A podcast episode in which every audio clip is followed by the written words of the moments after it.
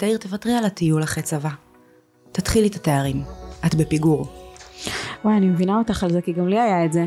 אה, ובסוף אה, היה לך איזושהי השלמה עם, הטיול אחרי צבא? מתישהו עשית את זה... עשינו אה, ירח דבש בנפאל, בטרק ב-Around הנפורנה. חשבתי שתגידי לי לונדון. אני לא יודעת אם זה הטיול אחרי צבא שהייתי בוחרת לעשות. אני גם לא יודעת אם זה היה ירח דבש שהייתי בוחרת לעשות, אבל לא? זה כבר נושא אחר לגמרי. אז זה לא היה כיף? זה היה כיף. היה כיף, זה היה טרק של שלושה שבועות עם פורטר שהיה איתנו. ארטקור, לא היה... ממש ארטקור, כן. בכפרים בלי חשמל, מתקלחים בהוט בקט כזה. אני לא יודעת אם זה ירח דבש, זה לא המלדיבים.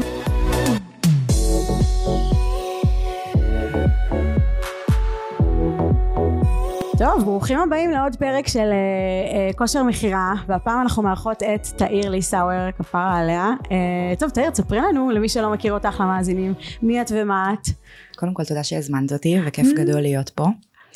מי אני ומה אני? Um, אני מאמנת כושר ומורה ליוגה, וחיה ונושמת את תחום התנועה בערך מאז שנולדתי, ו... אני אימא לשני ילדים, ליואב ובארי, יואב בן 12 וקצת, ובארי עוד מעט בן 10. אני מתנהלת בחיים, בתנועה, באתגר, ב... ומשתדלת שיהיה לי הרבה מאוד כיף ומשמעות מכל דבר שאני עושה, טוב, אז רגע, אני חייבת לעצור, היא סופר אה, אה, צנועה. אני מכירה את העיר אה, כי היא העבירה לי חלק מהתחומים כשאני נהייתי אה, מדריכה, אה, והיא לא מספרת על הצד הזה שבה שכאילו, סליחה, בואנה את מטורפת. אה, ומאותו רגע, שזה כמה שנים אחורה, אה, אני עוקבת אחריה באינסטגרם, ואני רואה איזה דברים מטורפים היא עושה, בלי קשר לזה שכאילו היא ממה אותי בתור, אה, כשרק התחלתי את הדרך וראיתי, עשית לנו שיעור היט. אחד הקוראים, עוד מעט אנחנו נפתח את זה גם. אמ, ואז ראיתי שהיא גם עושה יוגה, אבל כאילו בהגזמה. אמ, ולי אישית היא מראה כל פעם ש, שזה לא נגמר, שזה אף פעם לא נגמר, שיש תמיד עוד שכבה ועוד שכבה ועוד משהו, והגוף זה פשוט לא נגמר, זאת אומרת אני זוכרת גם שעשיתי איתך שיחה פעם מזמן שכאילו וואי יש לי מלא רעיונות ואז היה לי איזה יום אחד שכאילו נגמרו הרעיונות כאילו הכל כזה נשאב לאני לא יודעת איפה ואז פתאום יש איזשהו חלל כזה ואמרת לי שזה כאילו מהניסיון שלך שאת כבר לפחות יש לך עשרים שנה בזה נכון? אה, שזה כאילו שזה תקופות וזה בסדר וזה קורה וזה כאילו לא, לא להתרגש מזה יותר מדי אז לפעמים זה בא ולפעמים לא אז אה, זה קודם כל ואני רוצה שתספרי לי אה, על רייבל וואן על one rebel סליחה זה צריך להיות הפוך. אה, אני גם ראיתי אותך אה, מבחינתי ממה שאני ראיתי את הבאת אותם לארץ. אז אני חייבת שתספרי לי את הסיפור כאילו גם מהצד שלך וגם מהצד שלהם כי מסתבר שיש פה שתי פיצולים. יאללה שוט. נפתחו פה הרבה טאבים אז נכון ההיכרות הראשונה שלנו ואני זוכרת אותה טוב אני זוכרת גם את השיחה ואני זוכרת את האימון היט שהעברתי לך אנחנו הכרנו בג'ימנסיה, נכון. שזה מקום ששם אני מבצעת הסמכות למאמני כושר בעשור האחרון, mm-hmm. ויוצא לי להיפגש עם אנשים מקסימים ומוכשרים, מאמני כושר, שאחרי זה אני רואה אותם, איך הם מתפתחים, איך הם צומחים בתחום כאן בארץ, בתחום הפיטנס, ואני נרגשת וגאה כל פעם מחדש לראות איזה מסע, באיזה, באיזה שבילים כל אחד מהם צועד. זה באמת כבר מאות, אם לא יותר, של מאמני כושר, ואני ממש מודה על זה. מעבר לזה, את uh, One Rebel אני הכרתי בלונדון. זו הפעם הראשונה שאימן, שהתאמנתי בשיטה הזאת. One Rebel היא, אה, אני לא יודעת אפילו איפה להתחיל. One Rebel זה מותג, מותג שמכניס הרבה מאוד משמעות וערך לחיים של הרבה מאוד אנשים באמצעות שילוב של מערך אימונים, טכנולוגיה ומעטפת מאוד מתקדמת ומאוד מפותחת שהולכת כל הזמן בתנועה ביחד עם התפתחות תחום הפיטנס. One Rebel הוא מותג לונדוני שהתחיל בשנת 2014 ו... מאז אותו מועדון כושר ראשון בלונדון נפתחו כבר 15 סניפים בלונדון, הם הולכים וגם רוכשים סטודיו אחרים בתוך mm. לונדון, והוא מתחיל להתרחב למדינות אחרות בעולם, יש באוסטרליה, יש בערב הסעודית, ב- כן, יש בדובאי, הייתי שם לא מזמן, ביקרתי שם בסניף, במועדון. יא. וואן רבל הוא, הוא הבית השני שלי, ואני לא יודעת מי, מי מי שהביא אותו לארץ הם הולמס פלייס כמובן, אבל החלק שלי בתוך וואן רבל התחיל אה, די ממזמן כשחיפשו מישהו שבעצם אה, יהיה חלק מההגעה הזאת לארץ, מההקמה של הפרויקט המאוד מאוד יפה הזה, וההתחלה הייתה כזאת אה, לא לגמרי ידעתי אם אני כן אקח חלק בפרויקט, אם אני לא אקח חלק בפרויקט, אם אני אהיה הצוות שמקים, וכשהקמנו אותו בעצם זה היה בשלב היציאה מהסגרים, הכל היה שם בניילונים, הכל עוד היה סגור, עוד לא ידענו איך זה הולך להיות. הקורונה גם ככה נתנה חבטה מאוד רצינית לכל התחום שלנו. נכון. כל המועדוני הכושר היו סגורים, עם הרבה מאוד מגבלות, עם הרבה מאוד חששות ותחושה של אה, חוסר ודאות. אמ, את ההכשרה שלי בתור המאסטר טרנרית של השיטה עברתי בזום מול אה, מאמנים, מול ה-Head of Fitness של אה, One Rebel ב-UK, בלונדון. מהמם. היא הסמיכה אותי אחרי כמה שבועות של הכשרה אונליין, הכשרה יומיומית. היו לי כמה שפני ניסיונות משלי, שהתנדבו להגיע ולהתאמן. ובעצם אה, יצרתי bootcamp, יצרתי שיטה שבה יהיה לי נוח להכשיר מאמנים פה בארץ. כי השיטה שלנו שנקראת רישייפ היא שיטה שמשלבת גם פעילות אירובית וגם פעילות אנאירובית, פעילות כוח. העבודה האירובית על המסילה, המסילות ריצה, היא לא רק בריצה, היא גם במצבים של מזחלת ודחיפה של מזחלת וריצה עם אה, אה, Oh איזשהו God. מנגנון שמדמה מצנח על הגב. וזה וואו. מגניב, זה מדהים. אז אוקיי. אה, כן, אז יש, אני יודעת, קונספטים נוספים שהם עם מסילות ריצה בתוך סטודיו, אבל זה משהו מאוד ייחודי לנו. נכון. שטכנוג'ים פיתחו במיוחד ובנוסף לזה החלק השני של האימון שהוא בעצם משולב כל הזמן ביחד עם החלק על המסילת הריצה הוא חלק של ביצוע תרגילי כוח עם אה, משקולות, משקל גוף, עבודה על כל הגוף, על שרירי ליבה ועבודה פונקציונלית בדופק אה, גבוה בדרך כלל, תנועות מורכבות. אני יכולה להמשיך ולהרחיב זהו, אני בדיוק, אבל להגיד- ברמה המקצועית אני חושבת שזה זה העיקר. אמ, אז הסטודיו באמת, כרגע יש סטודיו בשרונה, בשרונה עזריאלי, מנחם בגין בתל אביב, והסטודיו הוא אה, גדול מאוד, הוא יכול להכיל עד 44 אנשים, ו-. והוא הממלכה שלנו. יש לנו צוות מדהים, צוות מנצח, ההכשרות מתקיימות אחת לכמה חודשים, כי כמו שאמרתי זו ממש שיטה אחרת שאנחנו צריכים לרכוש בה מיומנויות, לדעת איך לאמן במקביל, בעצם שני אימונים בתוך אימון אחד. קצת כמו מועדון, כאילו HIIT על speedים, בתוך מועדון עם המסילות. כאילו, כן, כן. יש פה כל כך הרבה אלמנטים שכאילו הם לקחו את זה, מה זה, דברים שאתה לא מדמיין בכלל, פתאום אני רואה ואני אומרת, "לא, זה לא אמיתי, זה, מה זה, זה כמו כל אייקון, או כל הולמס פלייס, הכל- כל החלל זה סטודיו. זה כאילו לא, זה לא נתפס. זה, זה לא נתפס גם למאמן שצריך לנצח על כל על זה. כל הדבר הזה. ובנוסף לוודא שהגירויים למוח באמצעות תאורה מתאימים ליכולות הפיזיולוגיות ולבעצם למה שהמאמן מבקש מהמתאמנים שלו לבצע באותו רגע, אם זה תרגיל בהתנגדות מאוד גבוהה, אנחנו נשתמש בצבעים שמתאימים לזה, אם זה תרגיל שאנחנו נרצה לפתח מהירות מאוד גבוהה, אנחנו נשתמש בצבעים אחרים כדי למקסם את היכולות של המתאמן. נייס. של התאורה? כן. וואו, אז זה אנחנו רמה גבוהה. משלבים באמת עבודה אה, באמצעות פאנל תאורה מאוד מתקדם,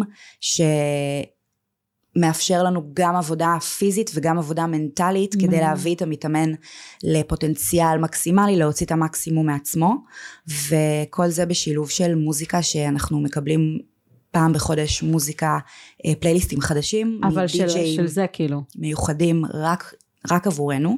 וואו. מיוחדים, אה, פלייליסטים מיוחדים שבעצם נבנים על ידי די-ג'אים מאוד גדולים בלונדון, ו...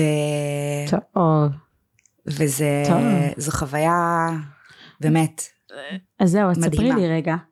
Um, אני תמיד חשבתי בראש איך זה שלמישהי כמו תאיר אין סטודיו.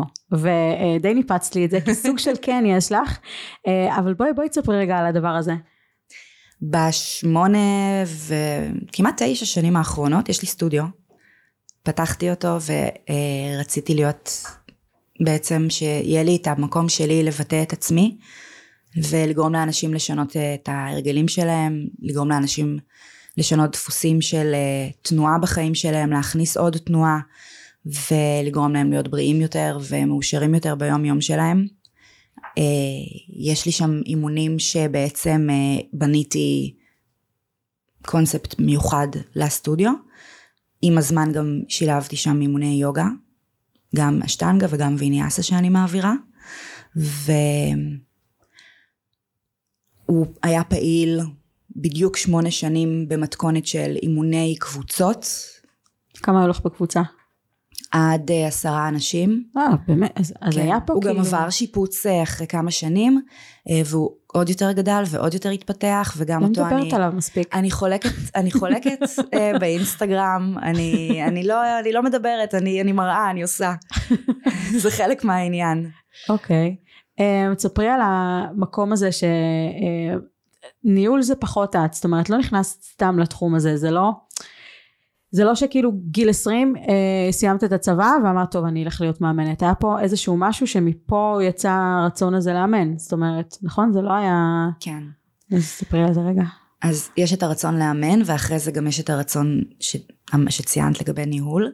הרצון לאמן אנשים הגיע מאיזשהו צורך אישי שלי, אני נולדתי עם גמישות יתר במפרקים, באמת? הייתי ילדה מתפרקת כזאת, כל הזמן יצאו לי המרפקים מהמקום? והכתפיים מהמקום, כן. הנה דברים סקופ דברים שלא יודעים שאתה היה לי אורתופד בחיפה שהייתי פוקדת אותו פעם בכמה חודשים הוא היה מרכיב חזרה כל מפרק שהתפרק זה סיפור שחלק מכירים אני לפעמים מספרת אותו בקורסים את האמת.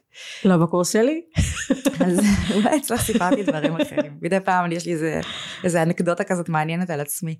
אז אה, זה הגיע מצורך שלי ואני זוכרת שישבתי מול אה, אותו אורתופד דוקטור קרת והוא אמר לי את חייבת להיות כל הזמן חזקה את צריכה כל הזמן לחזק את השרירים שלך כל הזמן להיות בכושר כדי לשמור על המפרקים שלך כי הם חלשים וגמישים. אמרתי טוב בסדר. זה הלמה שלך לקחתי את זה ממש ברצינות. כל הכבוד אני, אני אימנתי, אני חושבת שאני זוכרת בוודאות את הפעם הראשונה ש, שאימנתי, זה היה בכיתה י"ב, אימנתי חברים מהכיתה, המורה שלנו להתעמלות לא הרגישה טוב והיה לה איזה עניין רפואי, והיא אמרה לי, טוב, את מיועדת אה, להיות מד"גית, מדריכת אימון גופני בצבא. בואי, תאמני. לא מאמינה לך כן, אני זוכרת אפילו בקטנה מה עשיתי, לא היה לי מושג מה אני עושה, כן?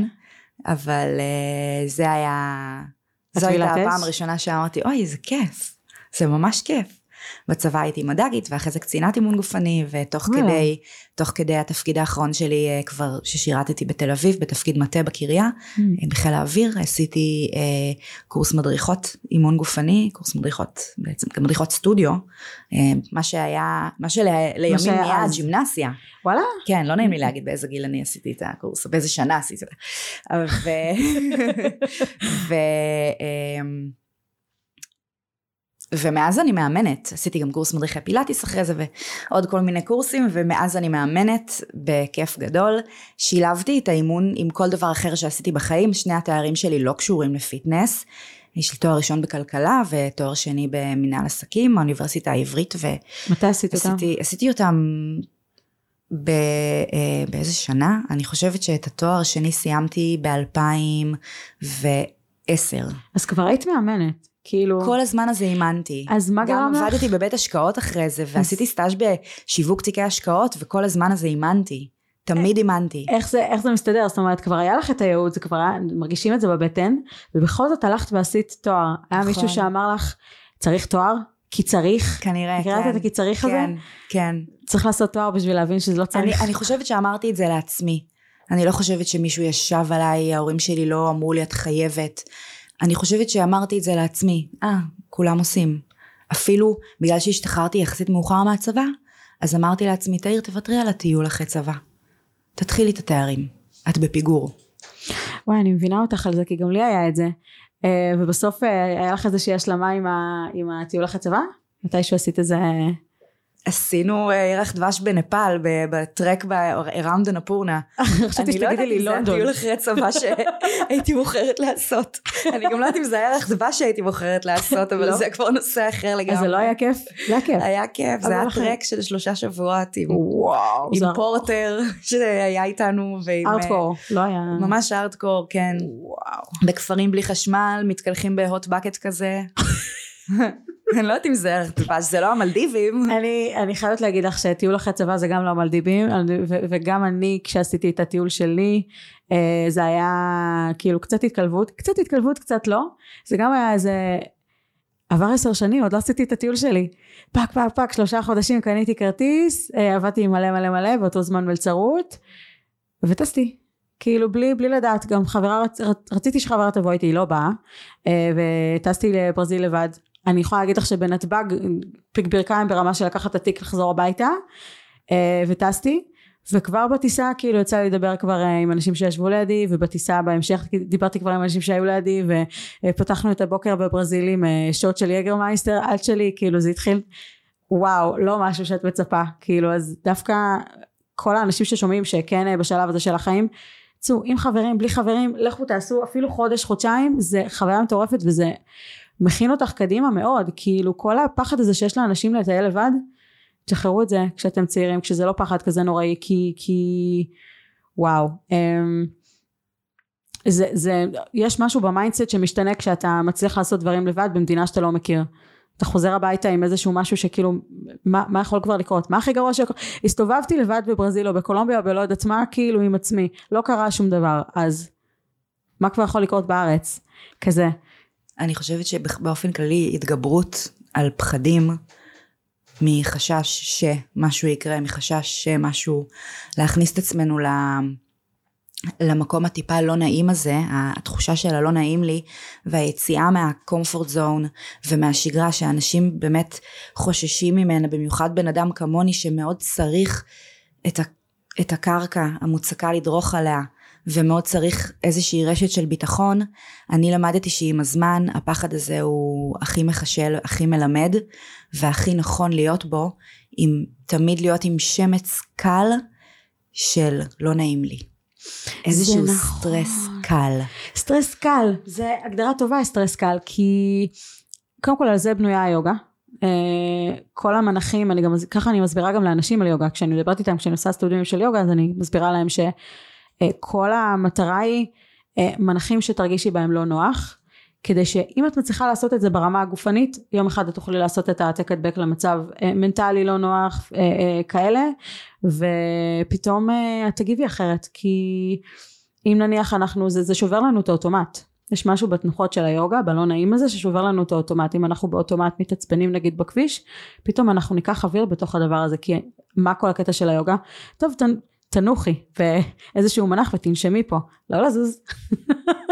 אז זה לא לזוז ולהצליח לנשום, מכריח אותך להתמודד עם הדבר הזה, זאת אומרת, אה, יש לי שאלה, עכשיו זה מעלה לי, אה, דיברתי עם ליאור על זה שאני, אה, יש לי את העניין של להוציא את עצמי בכוח מה, מה אה, zone ואני בסוף מקלחת מעבירה להכי קר בדיוק לדקה, בסוף, רק בסוף כי אני סובלת ואני כמעט בטוחה שיצא לך להיות בתוך, אה, באלה בגיגיות של הקרח למה? כן. זה רמה ממש גבוהה שאני לא מסוגלת אפילו להתמודד איתה אבל בואי תפתחי את זה רגע כי נראה לי שגם העניין הזה של אה, במקלחת אה, לשים אותנו את עצמנו בקור אני אמרתי לה שזה מעורר איזשהו משהו של fight or flight אולי אני טועה אבל את חווית את זה ברמה קצת יותר קיצונית אז תגידי לי את קודם כל גם אני מעבירה כאלה? בדקות האחרונות של המקלחת למים. קרים. זה מוציא אותי הרבה יותר פרש ומוכנה ליום. והאמבטיות קרח, אני חוויתי את זה כחלק מסדנה של ווים הוף. Mm. אצל ז'ניה המדהים, והסדנה הזאת היא בעצם סדנה שבה את מתחילה בנשימות, ללמוד מה זה נשימה, ללמוד מה זה עצירת נשימה, לחוות לפעמים גם כישלון אם את לא מצליחה להחזיק את עצמך בחוסר נשימה הזה הרבה זמן, וזה פותח לך כל מיני תהליכים, ועובד על מנגנונים פיזיולוגיים מאוד מאוד עמוקים, שכמובן מיד מקושרים ל mind, למוח שלנו, נותן לנו לשהות בתוך הלא נעים, שהופך עם הזמן למאוד נעים ומאוד בריא. והאמבטיית קרח הראשונה שעשיתי היא חוויה מאוד עוצמתית. מאוד.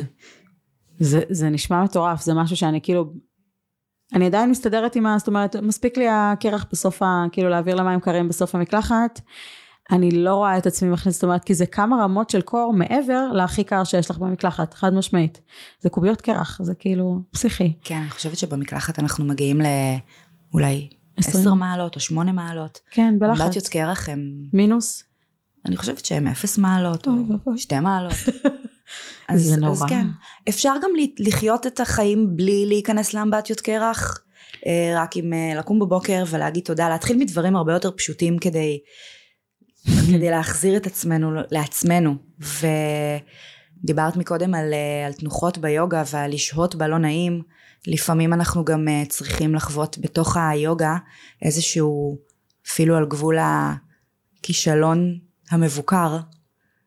אה, לא הצלחתי כאילו? כן, Mm. כדי אחרי זה, כשניתקל בו בחיים האמיתיים, לקבל אותו ל... ב... בידיים, בזרועות פתוחות ולהגיד, אה, כבר נתקלתי בו בעבר. לראות איך אני מתמודדת עם, ה... עם האתגרים האלה כשהם מגיעים לי בתנאי מעבדה, ביוגה. זה מאוד חשוב. לא להצליח עמידת ראש, או לא להצליח משהו. מה הדיבור הפנימי שלי כשלא הצלחתי משהו? איך אני משנה אותו? אלה דברים שמאוד חשובים לי, גם בתרגול כשאני מעבירה ל- לאחרים, וגם כשאני מעבירה לעצמי, תמיד יהיה לי איזושהי תחושה קלה של, לא של אי. הצלחה ושל שוב היציאה הזו מאזור הנוחות. ולקחת אה, מקודם, שאלת אותי מקודם על גם על, ה, על האימון, אבל גם על איך הגעתי לניהול. אז אמרתי לך איך הגעתי להיות מאמנת, אבל איך הגעתי להיות אמ, בעמדה שהיא של ניהול, זה משהו שהוא פשוט היה, נקרא לזה אבולוציוני, כי בסוף הגעתי לוואן רבל, ובוואן רבל אני, אני הכשרתי את, ה, את, את הצוות, הכשרתי את המאמנים, ואחרי זה הכשרתי עוד כמה מאמנים. והמקום הראשון שאליו רציתי להגיע בוואן רבל, הוא בעצם לקחת את המיזם הזה לעצמי. אחרי כמה מיזמים שכבר עשיתי בתחום, רציתי להמשיך, האמנתי מאוד בשיטת אימון, וזה לא היה מהרצון לנהל, זה היה מהרצון להשפיע על אנשים שיבואו, יחוו שיטת אימון משנת חיים מדהימה. אני כל הזמן מתאמנת בוואן רבל ברישייפ, ככה נקרא האימון,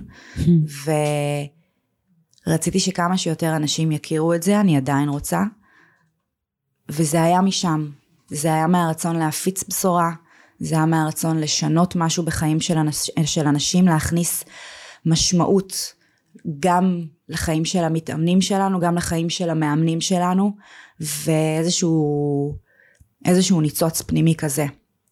לא מרצון שלי להגיד שאני מנהלת מישהו, אלא מרצון ליצור צוות שיעשה את המקסימום בלשנות חיים של אנשים. כמה את, שם. כמה את מדריכה בתוך הדבר הזה בתור מאמנת, וכמה את מנהלת כאילו באחוזים? כמה...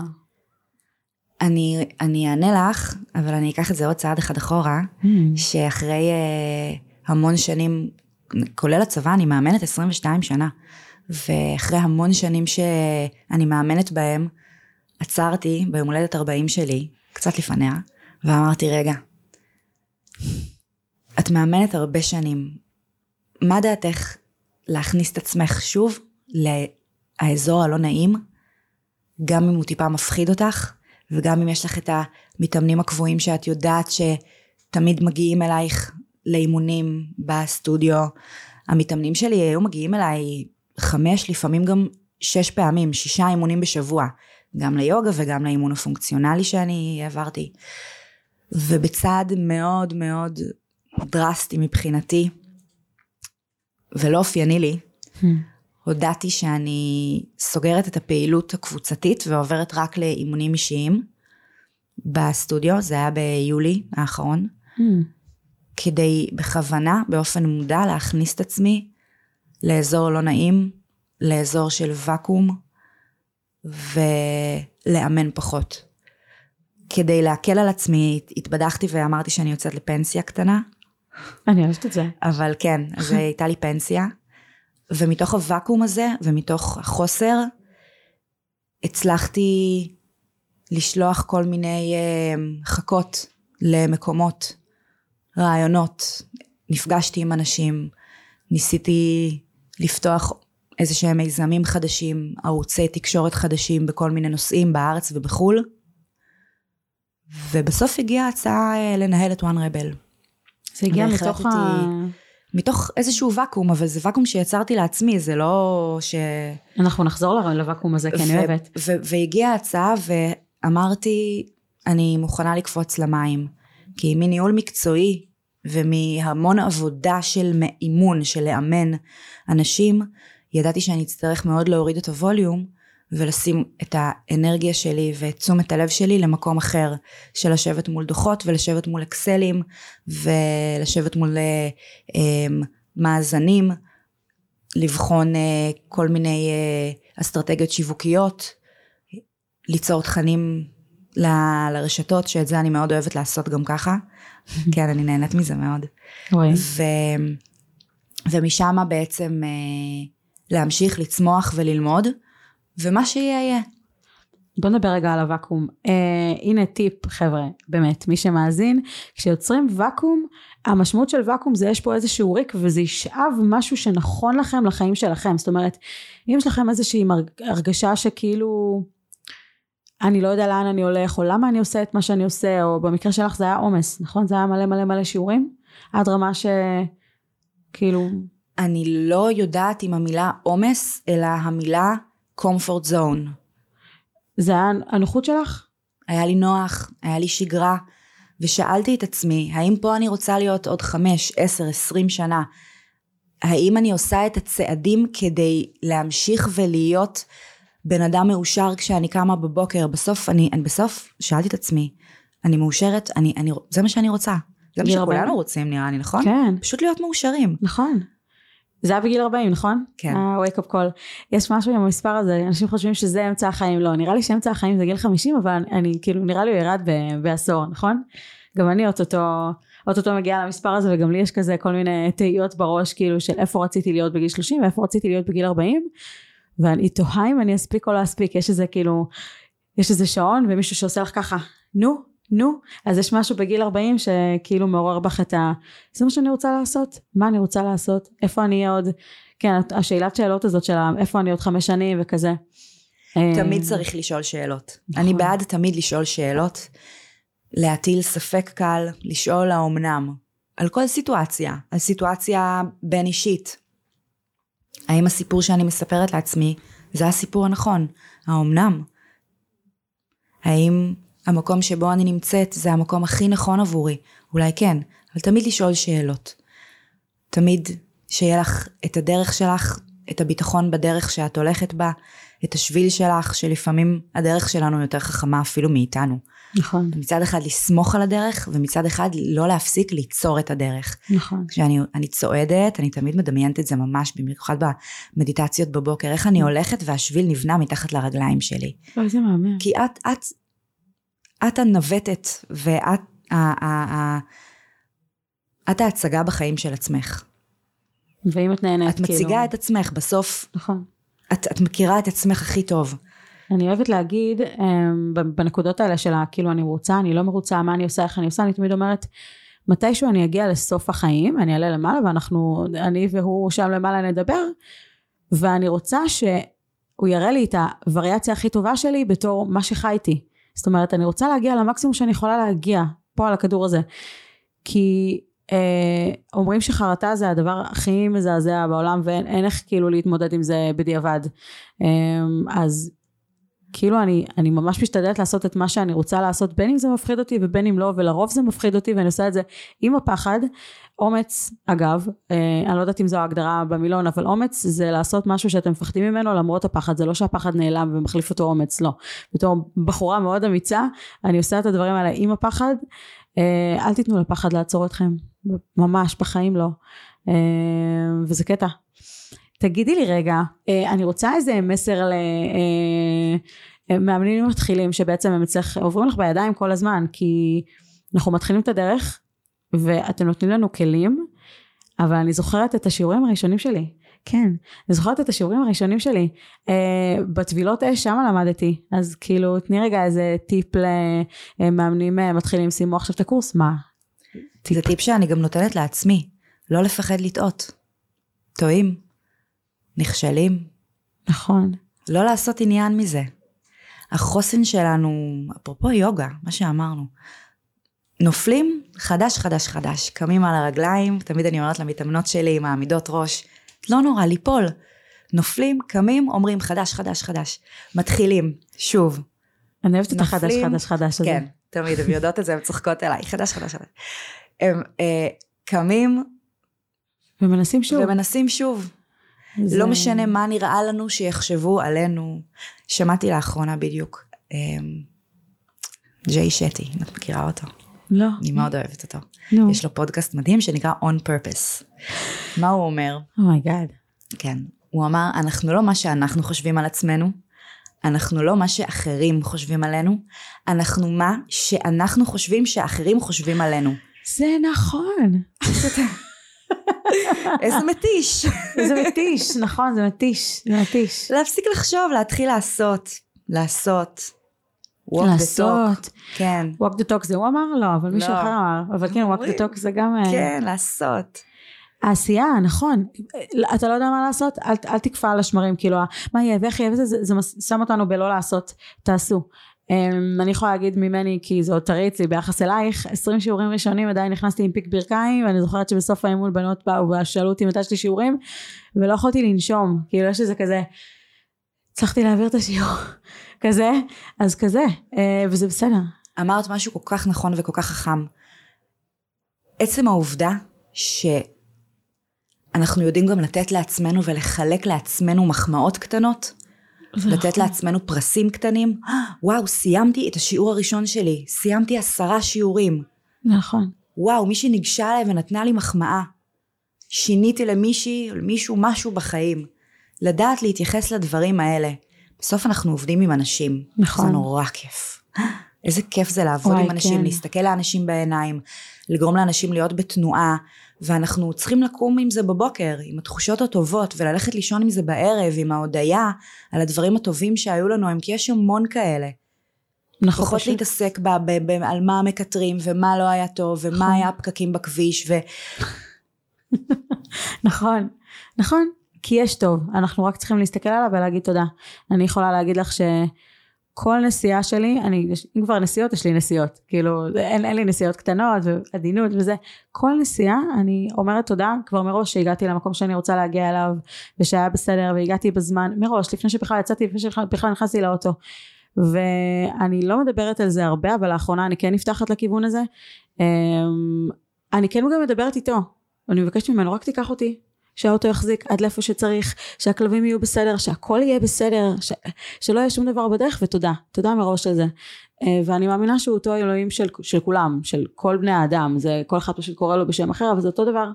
אה, ואני חושבת שאני לא היחידה שיש לי יחסי אהבה שנאה איתו, פעם באמת שנאתי אותו, במפורש, אה, והיום אני מה שנקרא חוזרת הביתה, זו ההרגשה, כי כאילו אני מבקשת דברים ואני מקבלת, זה משהו שלא לא היה פעם, הייתי כאילו בתוך, ה... אני מכירה את זה שאת בתוך המיץ של הזבל, ולא, את לא מצליחה למצוא את הדרך החוצה, אז עכשיו אני כן יכולה להגיד שאני כן יכולה לראות את זה, וכן יש איזשהו, אתה מבקש משהו והוא נותן, אבל כאילו, תבקש, ותגיד תודה, לפני, לפני הלבקש. אה, כל בוקר קמים, מודה אני, מודה אני. נכון, וגם אם זה לא מודה אני, קודם כל זה המודה, ואחרי זה זה אני. נכון, גם אם זה לא, נכון. זה לא זה, אז כל אחד עם הפרשנות שלו, להגיד תודה. דבר ראשון שקמים בבוקר, לפני השנה, ולהיות גם לפני השינה, וגם להיות בחמלה עם עצמנו. זה נכון, הכעס הזה שלפעמים יש לנו על דברים שלא הולכים לנו, על תחושה של אשמה, להאשים את עצמנו בדברים. נכון, זו תחושה כל כך קשה, הדיבור העצמי השלילי הזה, ואם נדע להחליף את הכעס הזה בחמלה נכון, כלפי עצמנו, נדע לעשות את זה גם עם הרבה אחרים סביבנו. נכון, נחזור לעניין הדברים שגורמים לנו לסטרס. אם זה שיחות עם אנשים שגורמות לנו טיפה לסטרס מסיבות מסוימות. נכון, לדעת לחמול. נכון, אם זה אנשים שאת לא מכירה ונפגשת איתם בסיטואציה מאתגרת. שוב נחזור לעניין הכבישים.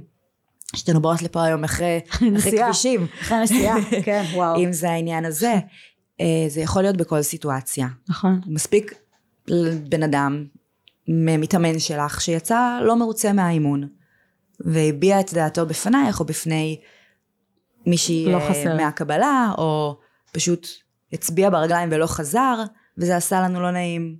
כל דבר אנחנו יכולים לפרש כדבר טוב, כדבר מלמד, להגיד תודה. תודה רבה על הלקח, תודה רבה על השיעור. זה הרבה יותר נעים.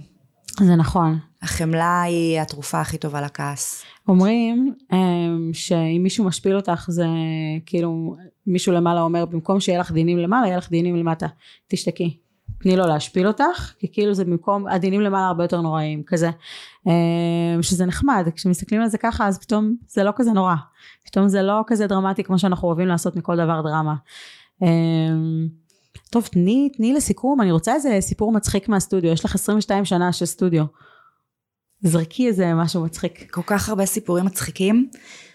אני חושבת שאחד מהם היה ששני אנשים, אה, שני מתאמנים הגיעו לאותו שיעור, היו במרחק, הסטודיו שלנו ענק, היו במרחק מאוד גדול אחד מהשני, אבל שניהם שאלו אחד על השני בסוף הסשן, טוב כן, וזה התפתח. לסיפור מאוד יפה, כן, כן? כן. יא? היו עוד המון סיפורים מצחיקים, אבל אותו אני אוהבת במיוחד. הוא, לא, הוא מצחיק והוא מרגש. אבל הם היו כל כך רחוקים אחד מהשני, וכל כך מבחינת המרחק שלהם באימון עצמו, וזה היה מדהים לראות את זה. אז, אז זה נגיד סיפור כיפי נורא. יש לך מקום בגן. עדן? אני לא את עשית יודעת. שידוך? הם עשו את השידוך לעצמם. אבל איזה כיף זה לראות את זה מהצד, בשיעור שלך כזה. כן. אוי!